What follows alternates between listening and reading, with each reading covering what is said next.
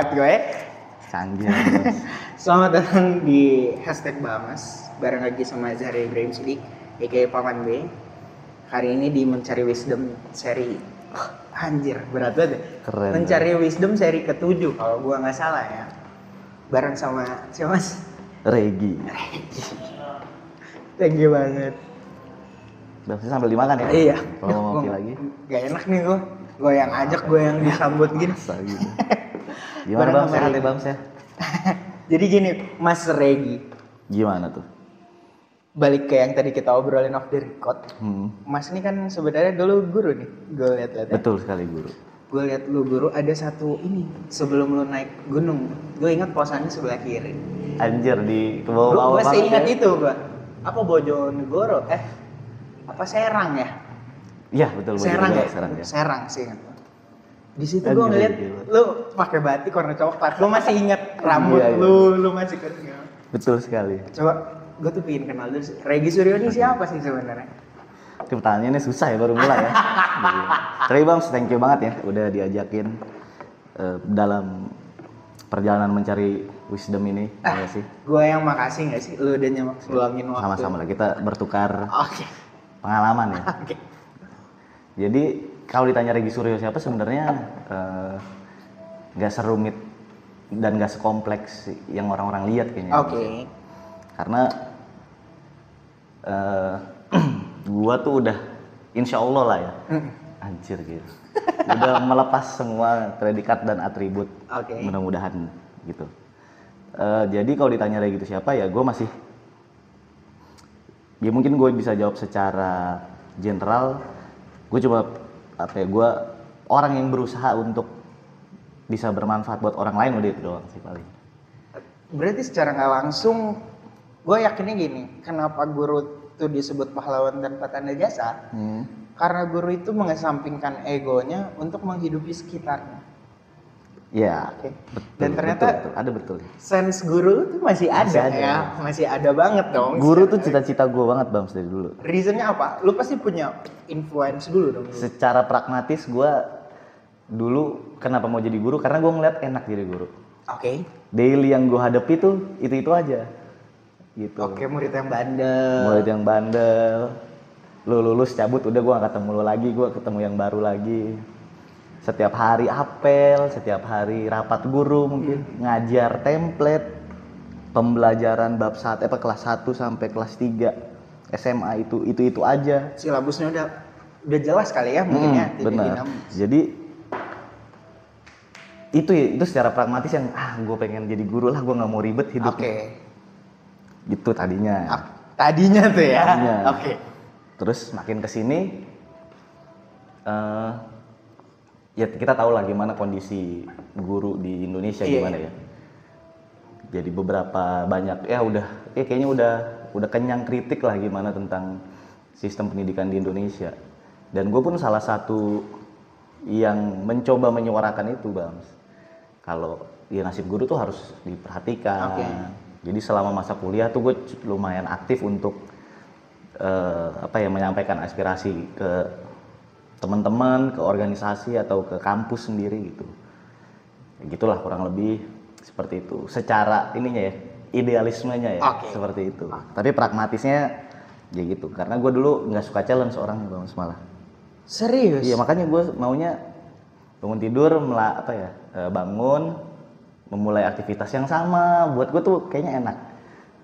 Lu- Dulu mikirnya enak. Oke. Tapi Jepang banget ya berarti. ya. Orang Jepang tuh kan selalu repetisi. Oh gitu malah. Iya, kalau yang gue lihat ya. Soalnya ketika dia makanya kenapa di Jepang kedisiplinan tuh kan tinggi banget. Setuju. Makanya pas si Shinkansen ini telat berapa menit itu sampai ke minta maaf banget itu karena emang sengeganggu itu. Iya sih benar-benar. Tapi ini menarik ketika seorang Regi Suryo asik. ketika lu bilang bahwa lu tidak mau challenge pada saat itu ya. Faktor apa yang ngebuat lu berubah untuk berpikir kayaknya hidup harus naik turun deh, nggak bisa lurus-lurus aja. Jadi gue menemukan momentum itu di kampus. Eh gue kan di ini nggak apa-apa nyebut kampus ya. Ah, boleh. Gue di UNJ itu ya, Universitas Negeri Jakarta. Gue ngambil prodi eh, pendidikan geografi. Oke, Nah, IPS berarti. IPS betul. Jadi gue kalau ke SMP itu gue ngajar IPS, kalau di SMA itu gue ngajar geografi. Nah, selama perjalanan gue menjadi guru gitu dan kuliah di Jakarta, ternyata begitu gue masuk ya ke kampus, orang Jakarta itu justru nggak ada yang kuliah di situ. Rata-rata teman gue tuh semuanya pendatang. Lah, kok bisa? Nah iya kan, Bet- itu itu menarik tuh, itu fakta Oke, juga oke. tuh kayak anjir eh, orang Jakarta sendiri nggak ada yang mau ngampus di situ, gitu. Ya mereka lebih prefer UI, UGM, ITB atau yang jauh-jauh sekali. Singapura mungkin Nah, ya, gitu yang pada kan. punya duit ya. Australia, Iya, gitu. Aussie.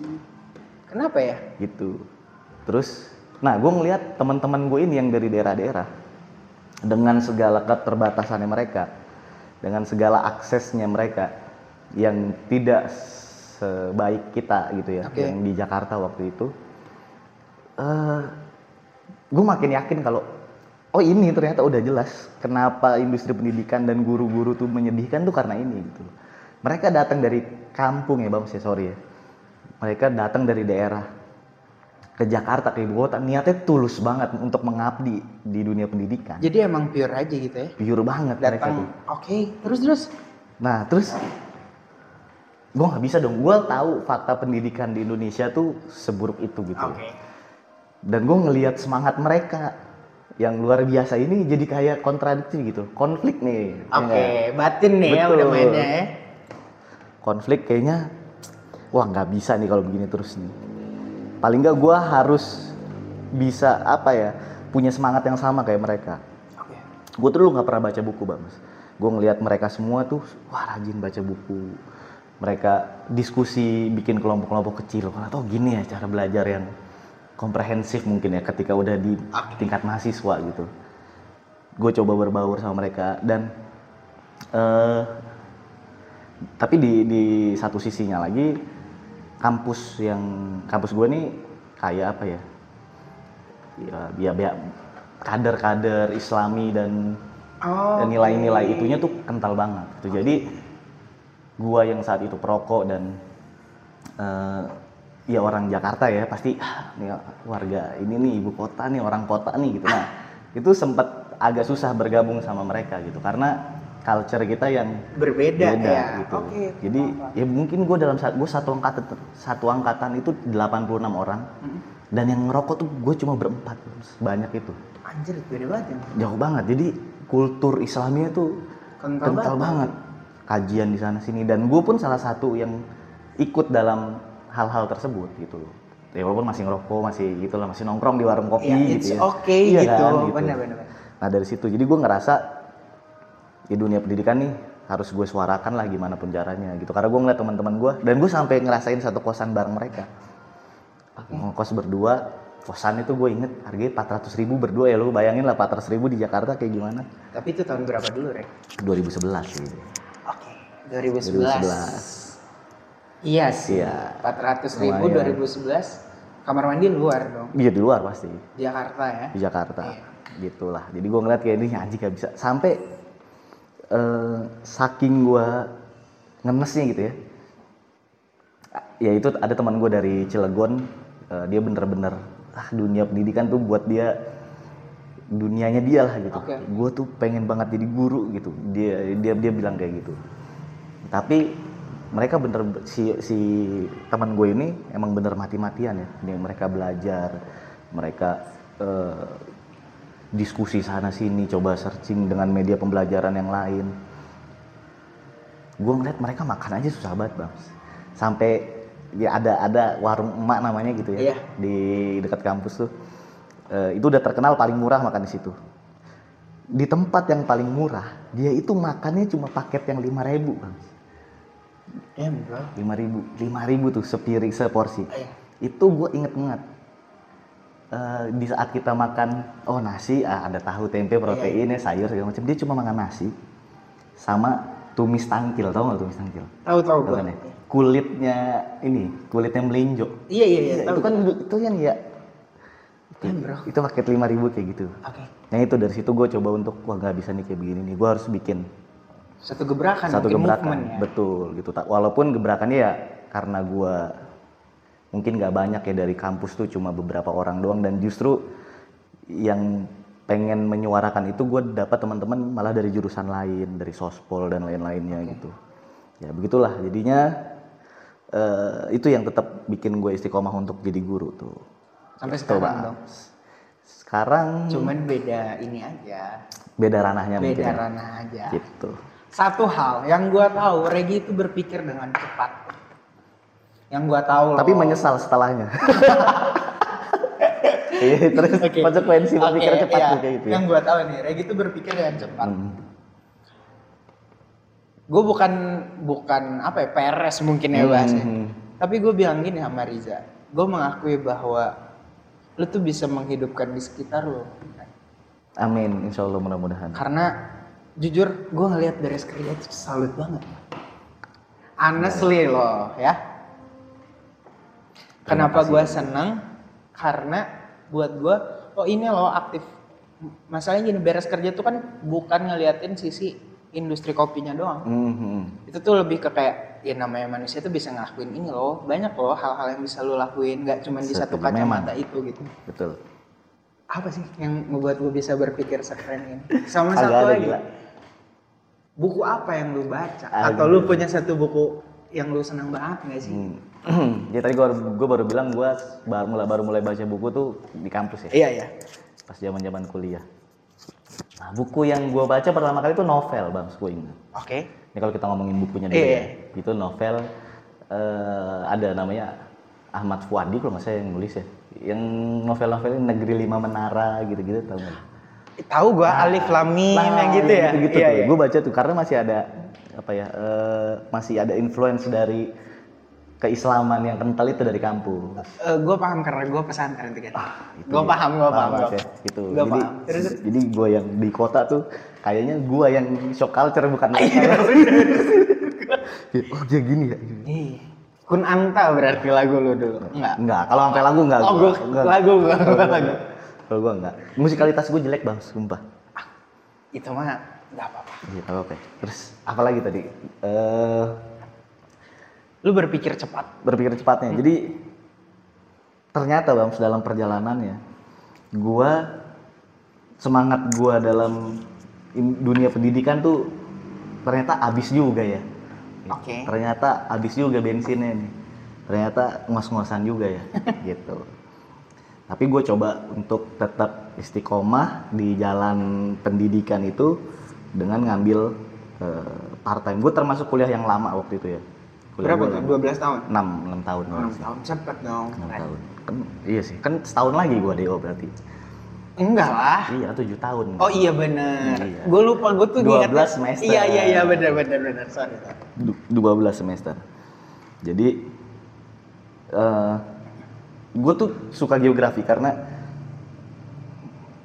mother of science ya. Oh gue setuju memang. Betul. Jadi di mana ada kondisi eh, alam dengan sosial bisa jadi satu tuh gue cuma bisa nemuin Iya. geografi. Gitu. Terus eh, berpikir cepat ini gue pelajarin dari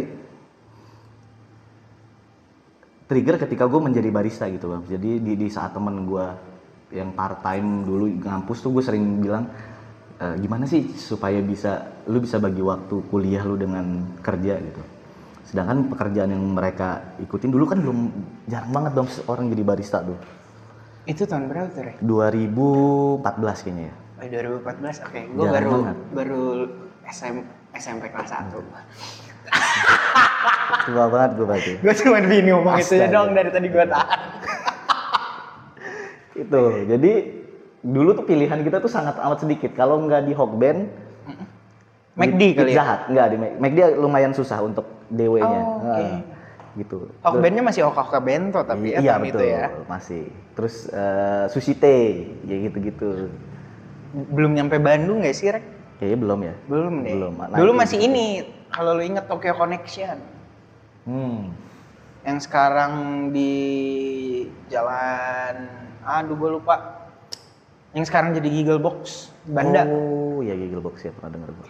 Terus terus. gitu jadi anjir kayaknya nggak mungkin ya gue gitu Oke. karena gue tuh termasuk yang rajin dong kuliahnya gitu Percaya gue. jadi eh, bokap gue tuh bilang lu boleh bandel kayak gimana pun tapi lu jangan tolol please banget Oke. gitu Itu different sih artinya. Iya. Oke.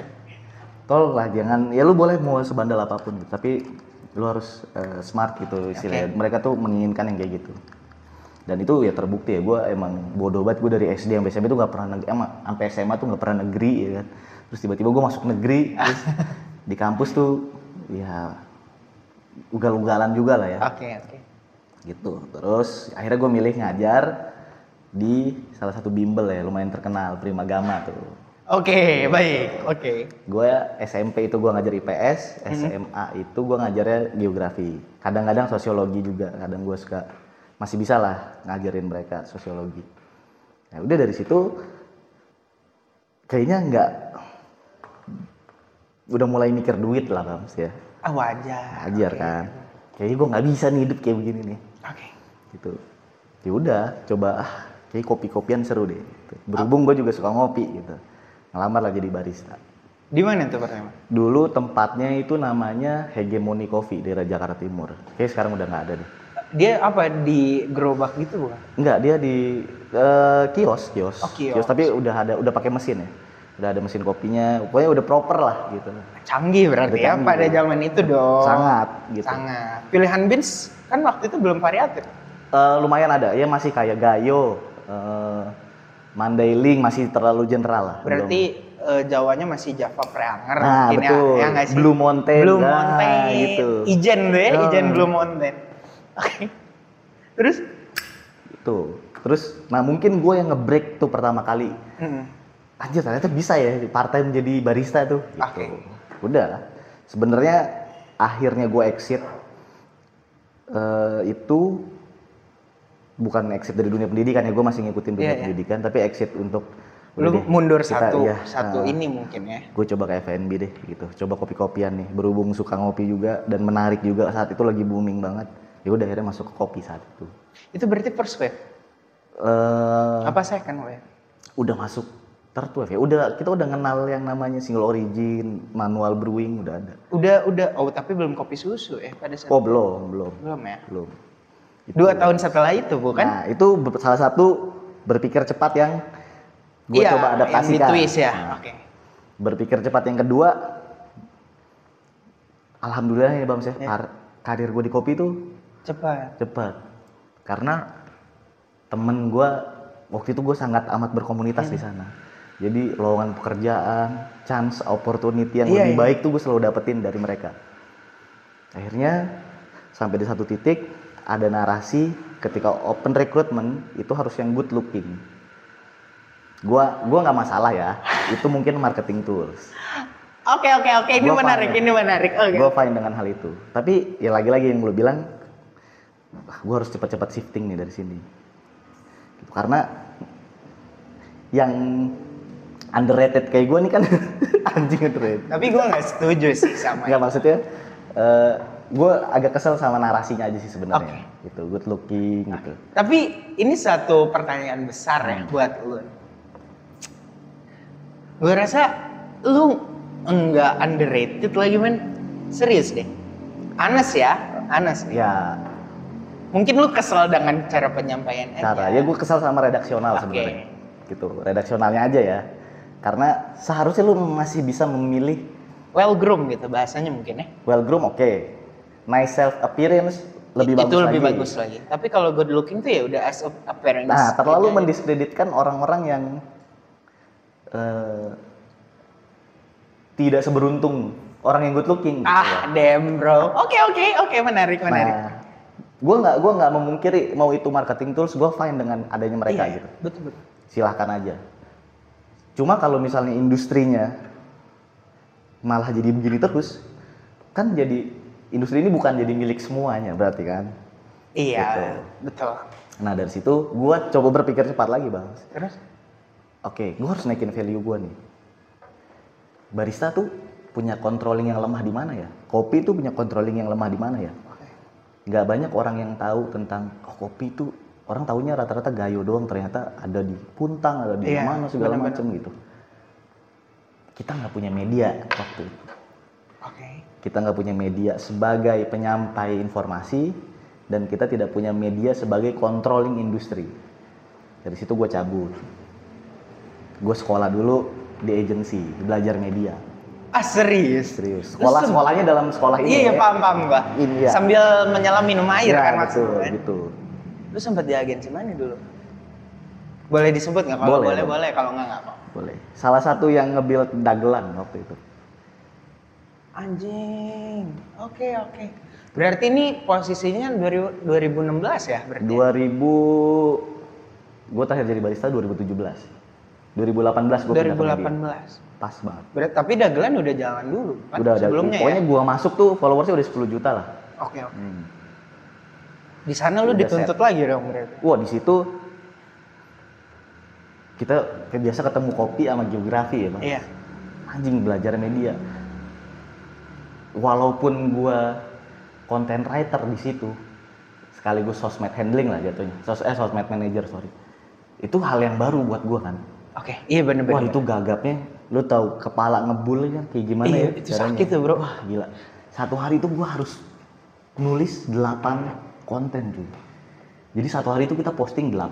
Oke. Terus berapa kata tuh per Eh satu konten dia minimal? nah, dari 8 eh sorry, dari 8 kenapa 8? Karena kita mau nyari exposure awal nih buat Iya, iya, membangun iya. trusted kan. Dari 8 itu pembagiannya mungkin empat artikel atau tiga artikel, dua itu artikel tentang eh, lokasi atau tempat ngopi Hmm. gitu ya, yang kayak sekarang-sekarang udah banyak ya. Terus eh, quotes kopi, Oke. Nah, Oke. Terus audio spektrum waktu itu. Referensi lagu buat lu, nemenin lu ngopi gitu lah. Oke, baik baik. Gitu. Berarti iya, kalau sekarang banyak beberapa coffee shop yang kalau misalnya customernya bikin tune playlist sudah masukin ke Spotify Nah, mungkin ya. Gitu. Oke. gitu. Tapi yang indie-indie aja karena dulu Instagram dan Facebook itu agak susah copyrightnya ya. Karena Iya, belum iya, ada iya. Instagram Bener, musiknya. bener. Nah gitu. Jadi gua ngambilnya yang indie label dan ternyata mereka lebih masuk lagunya di, untuk ngopi gitu. Eh, itu betul. Betul, betul hati itu gue setuju. Nah dari situ akhirnya lotnya dikurangin dari 8 postingan jadi enam postingan sehari. Hmm. Nah yang bikin gua gagapnya itu eh, 8 postingan, berarti ada 8 tulisan kan. Iya. Besoknya gua harus 8 lagi. Besoknya gua harus 8 lagi. Kalau gua kerja hari itu nulis 8, besok gua harus melakukan Nulis hal yang lagi sama 8, lagi. iya. Terus lagi 8. Nah gue di eh ya udah kalau misalnya dailynya gini ya udah nggak apa-apa gue masih bisa beradaptasi tapi ternyata nggak begitu cara media kerja tuh Terus gimana? kita harus punya bank konten Oh iya betul Iya. betul setuju gua. nah untuk menutupi bank konten itu mau nggak mau gue kan harus nulis 16 Iya. untuk nutupin besoknya 16 lagi nah itu tuh yang gila itu yang bikin lumayan kayak anjing gue mau balik lagi ke kopi anjing gitu. Tapi karena obsep susah ya, apalagi pada saat itu research, terus susah nggak sih? ternyata ada caranya Apa? gitu jadi gue tuh cuma dites ternyata bang Oke. coba gue mau lihat lu kuatnya nulis sampai berapa banyak gitu ternyata gue cuma waktu itu cuma bisa nambah sampai seminggu doang bang Terus sisanya tipas. nah, soalnya lumayan lah Eh, jadi dari delap dari dari konten gue ada ada sisa konten bang konten tuh seminggu. Gue mikir kalau ya at least kalau gue sakit atau apa Iya. paling nggak ada ya bisa kepake lah itu kontennya ya. Ya. ternyata dari situ gue dipanggil meeting lagi lah sama bos-bosnya ini. Masalah lu di mana sebenarnya? Wah masalah gue gue gue buntu banget itu writer block banget lah. Gue nggak tahu kopi harus gue tulis kayak gimana lagi gitu Eh, sampai gue sempet ya pakai artikel orang gue masukin sumbernya apa ya kayak yang re reuploader Oke, reposter gitu ya. Sampai hal-hal kayak gitu yang kayak anjing gue udah gak ketolong banget gitu. Dan ternyata satu waktu gue bareng sama chief gue lah gitu ya Oke. editor in chief. Ayo kita ngopi di mana yuk? Dia bilang gitu. Oke boleh janjian kita ngopi bareng. Gue ingat banget kata-katanya dia. Konten itu ada di sekitar kita lu nggak usah pusing nyari apa anjir maksudnya gimana nih bang? Gue inget tuh itu di Gordi. Oke. di Gordi. Ya Gordi waktu itu lagi hype dengan subscriptionnya. Iya, kenceng sih jadi pada dia nanya ya. kan kenapa lu ngajak gua ke Gordi? Karena dia menarik bang. Dia tuh coffee shop tapi dia roasterynya buka subscription. Iya. gitu. Sebulan bayar berapa nanti dikirimin kopi-kopinya dia. Oke. Itu jadi satu konten tuh tulis. Subscriptionnya aja. Subscription Gordi terus apa lagi yang menarik kayaknya di sini house blendnya tuh enak deh gini gini gini. Nah itu jadi satu konten ya? Iya. terus apa lagi? Oh arsitekturnya gini kenapa warnanya gini? Oh itu jadi dua konten. Iya. ini gini gini. Pas dilihat banyak ya? Eh, iya kayak begitu kerjanya. Wah, ternyata baru. Oh gini cara kerjanya.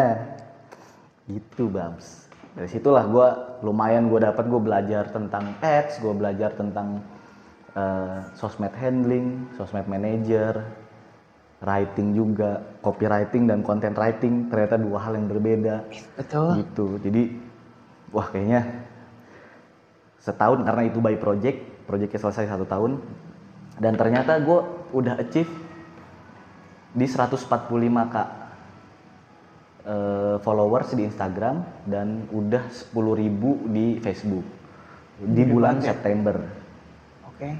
Lu masuk bulan? Januari Cepat banget dong. lumayan 9 cepat. bulan ya? lumayan cepat beres dari situ ternyata gue punya bang konten tuh banyak banget bang Ah, sampai Februari tahun depannya berarti sisanya lu udah bisa istirahat. tidur bos gitu ternyata anjir anjir gitulah bos akhirnya gue belajar dan oke gue punya basic di pendidikan gue punya basic di geografi gue punya basic di kopi punya udah punya modal yang kuat dan gue ngerti gimana media bekerja dan ngebuild media nah senjata itu yang gue pakai buat oke gue harus bawa perubahan di industri kopi minimal nggak boring lagi lah industri kopi gitu Berarti mesayah ya? Nggak juga sih, nggak juga, nggak juga. Itu Bams. Oke. Gue bakal bakal datang dengan satu statement yang mungkin agak berat ya. Mereka yang besar hari ini di industri kopi itu anak-anak skena yang sudah mulai lebih dulu Menurut lu? menurut gua. Heeh. Mungkin di pendidikan pun sama ya? Apa enggak? pendidikan ya sama kok. Sama. sama. Sama ya. Kayaknya di setiap hal tuh selalu sama. Punya pola ya. Punya pola. Gue selalu berpikirnya, gue selalu melihatnya gini, Rek. Kalau misalnya hari ini di industri ini jadi A, Hmm. nanti di industri B bakal jadi C, Mm, bakal nah, jadi D. betul. Tetap hal yang sama, cuman dibungkusnya itu. Yes. Gue melihat seorang Regi itu kan punya satu highlight namanya Aksara. Asara itu. Gila, gue jauh banget gue. Gue inget banget ada satu eh ini upload dan itu Hmm. sini biar gue bisikin Oke. iya. kalau hidup itu tidak pernah adil. Betul, setuju. Iya kan? Betul.